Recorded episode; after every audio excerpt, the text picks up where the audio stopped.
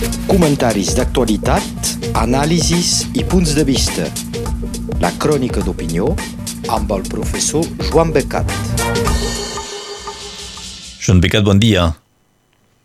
Ara sí, bon dia. Comença... Bon dia. Parlarem d'ensenyament per començar i de la vergonya de la formació dels mestres bilingües de català. Sí, efectivament. Els mestres d'ensenyament bilingüe català-francès de l'ensenyament públic són mal formats. El català és totalment sacrificat en la formació que reben a Perpinyà. A l'antic UFM, que formava mestres, ara és una antena de la Facultat d'Educació de la Universitat de, per de Montpellier, plantada a Perpinyà. Com és sacrificat l'occità també a Montpellier mateix i al Llenguadoc. Fins i tot poden ser mestres dits bilingües que no saben prou català per ensenyar, si no tenen abans la llicenciatura de català. Un escàndol. El sistema és aquest. En el concurs, el concurs normal com el bilingüe, compten més el francès, les matemàtiques i altres matèries, totes preparades en francès, ja els bilingües de català s'espavilaran després per fer aquestes matèries a les seues classes, que no pas el català. Per ser rebut com a mestre bilingüe, val millor saber altra cosa que el català. Ho han vist bastants estudiants que fan el concurs bilingüe amb molt poc coneixement de català. Eh, per ser segurs, ho presenten per ser segurs de quedar-se al Pirineu Oriental i no anar a on sigui dins l'Acadèmia de Montpellier. Durant uns quants anys fan el que poden en classe bilingüe, és a dir, molt francès i poc català, que no és més bilingüe, després demanen mutació i no faran mai més català de la vida. Se perden regularment així llocs de treball dels pocs que són afectats al català. Com és la formació dels mestres a l'antena de Perpinyà d'aquesta Facultat d'Educació de Montpellier. Doncs només dues hores, dic ben bé, dues hores la setmana de català sobre una trentena d'hores de, de formació. Com voleu formar ensenyants preparats amb dues hores? És menys que una llengua dos o tres a l'ensenyament secundari. El 2015, quan se va presentar una proposta de màster bilingüe i immersiu, ho va fer la Universitat de Perpinyà, no va ser acceptada car les universitats de Montpellier i els ex-UFM s'hi van oposar violentment. Els talibans eh, dels ex-UFM de Montpellier i de Perpinyà i la Universitat de Paul Valéry, per fer rebutjar la proposta de màster bilingüe immersiu de català i d'occità, van fins i tot argumentar, jo era present, que era contrari a la laïcitat de l'estat francès. Contrari a la laïcitat de l'estat francès. Per ells, fer català no era, és, és no ser laics, és ser fonamentalista. Però qui són els fonamentalistes? I, i, I què és voler destruir i eradicar una llengua del país? No és fanatisme real? Hi ha més vulneració de drets humans reconeguts per la Carta de les Nacions Unides? Aquesta gent lingüicida i intolerant, que només se poden comparar als colonitzadors espanyols a Amèrica o als colonitzadors anglesos i francesos dels segles passats a Àfrica, els tenim entre nosaltres, a Montpellier i a Perpinyà. Lluiten en permanència contra les llengües del país i formen els nostres ensenyants. Ah, us diran que no, que s'estimen el català i l'occità. Això sí, només dues horetes la setmana de tutu pam pam de Fla Violet per divertir la gent i tenir una coartada, un alibi, perquè saben que això no portarà a res.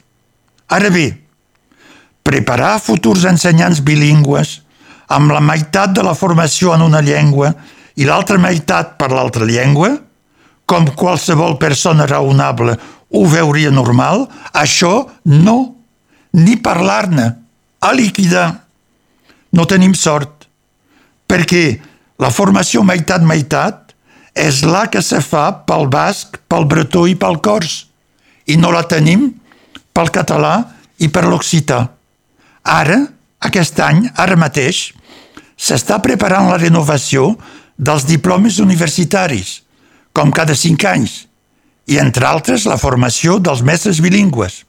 Per tant, és l'oportunitat de presentar una proposta de màster d'ensenyament bilingüe real amb una formació suficient en català a Perpinyà i en occità a Carcassona, Montpellier i Nimes, com ho fan a Rennes, Brest i Saint-Brieuc pel bretó, a Ajaccio pel cors i a Bayona pel basc, que no són com els altres. Volem mestres competents i ben formats pels nostres fills i nets. Prou discriminació franco-francesa. Els talibans no han de dirigir-nos ni a l'Orient Mitjà ni a casa nostra. Us tindrem informats. Bé, aquí per la situació doncs, de, dels mestres bilingües a català i la seva formació. Anem ara a la universitat, l'Universitat de Perpinyà. Ivan Oguet és nou president. Efectivament, des del primer de desembre. Eh, ja se preveia perquè s'havia elegit la gent per formar el Consell d'Administració i era majoritari i, efectivament, va ser el cas fa pocs dies.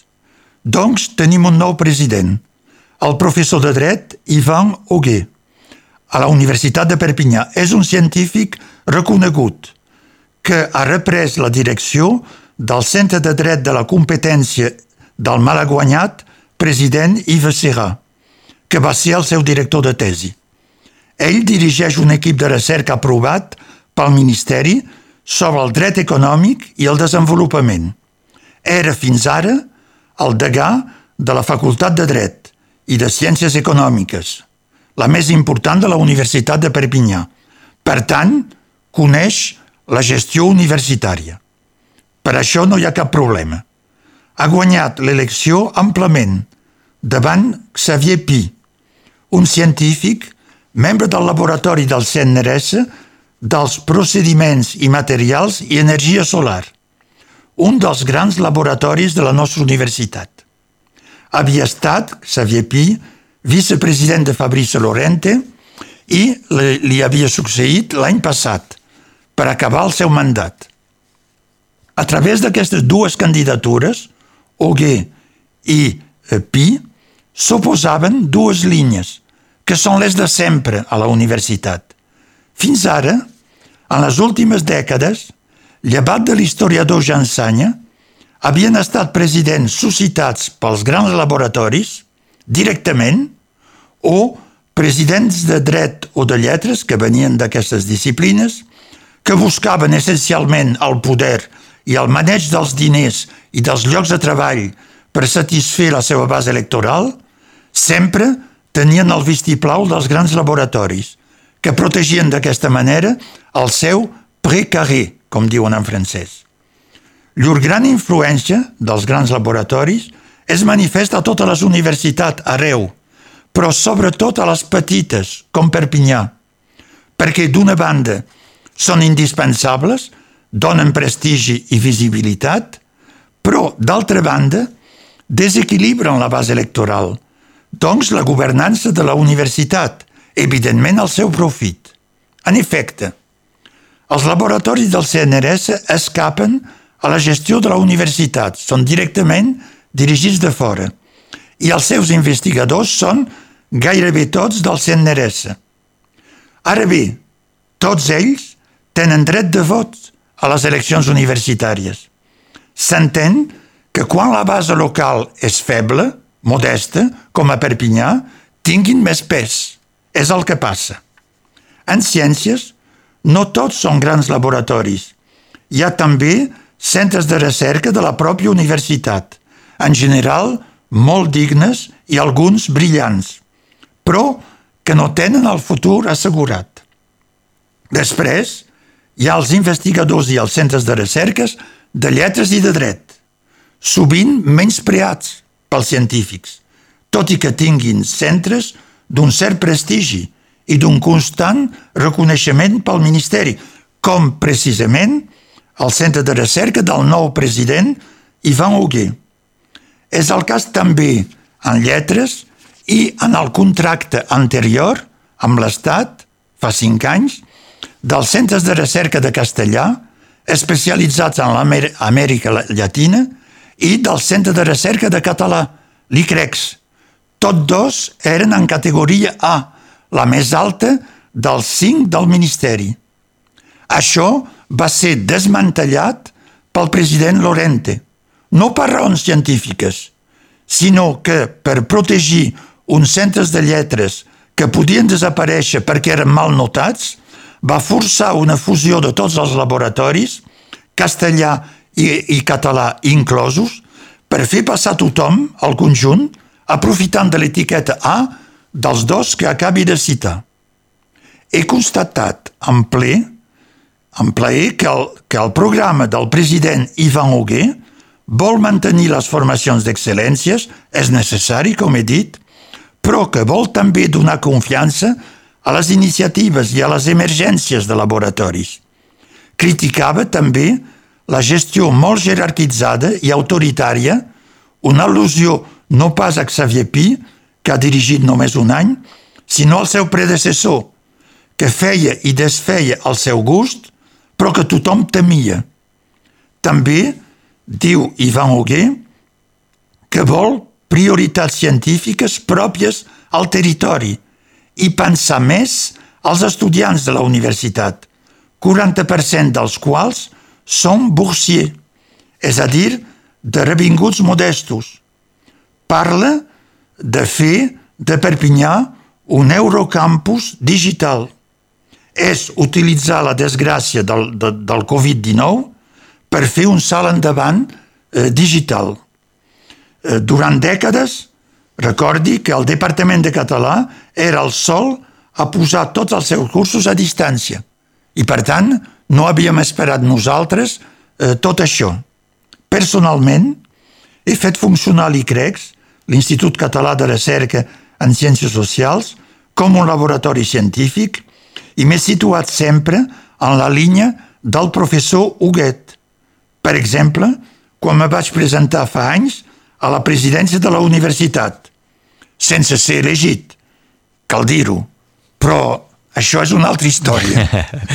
Bé, Joan Becat, ens queda uns minutets per comentar un altre fet d'actualitat. Ens vols parlar dels militars feixistes espanyols i el rei Felipe VI. Sí, n'hi haurà prou. Que hi hagi feixistes a l'estat espanyol i molts partidaris del partit d'extrema dreta Vox ja se sap, i ho hem comentat en aquesta crònica.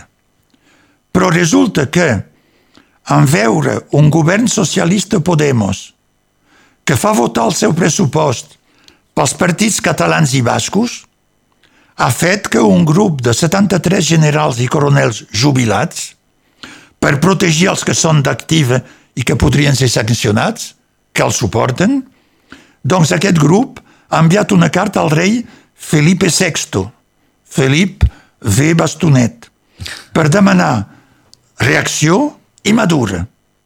Parlen, citació, d'un govern social comunista amb el suport d'independentistes i la decomposició de la unitat nacional. Ferme le banc. Hi ha moviment de suport dins l'exèrcit. Què volen aquests militars? Ho diu clar un dels promotors de la carta, un general jubilat, en un grup de WhatsApp. Sense embuts, ho diu. Citació. No queda más remedio que empezar a fusilar 26 milions de persones. Vol matar la meitat dels espanyols. Entre parèntesis, vol dir que sap que no és majoritari, si faig càlcul d'escola primària, perquè hi ha 47 milions d'espanyols, de ciutadans, catalans a dins, 20, 47 i en vol fusillar 26. Queden 21, però deixem. Diu també, tradueixo, la forma de parar tot això és un nou alçament. Als meus 77 anys no sé què collons, diu cojones, puc fer. Bé, aquest general vol una nova guerra civil.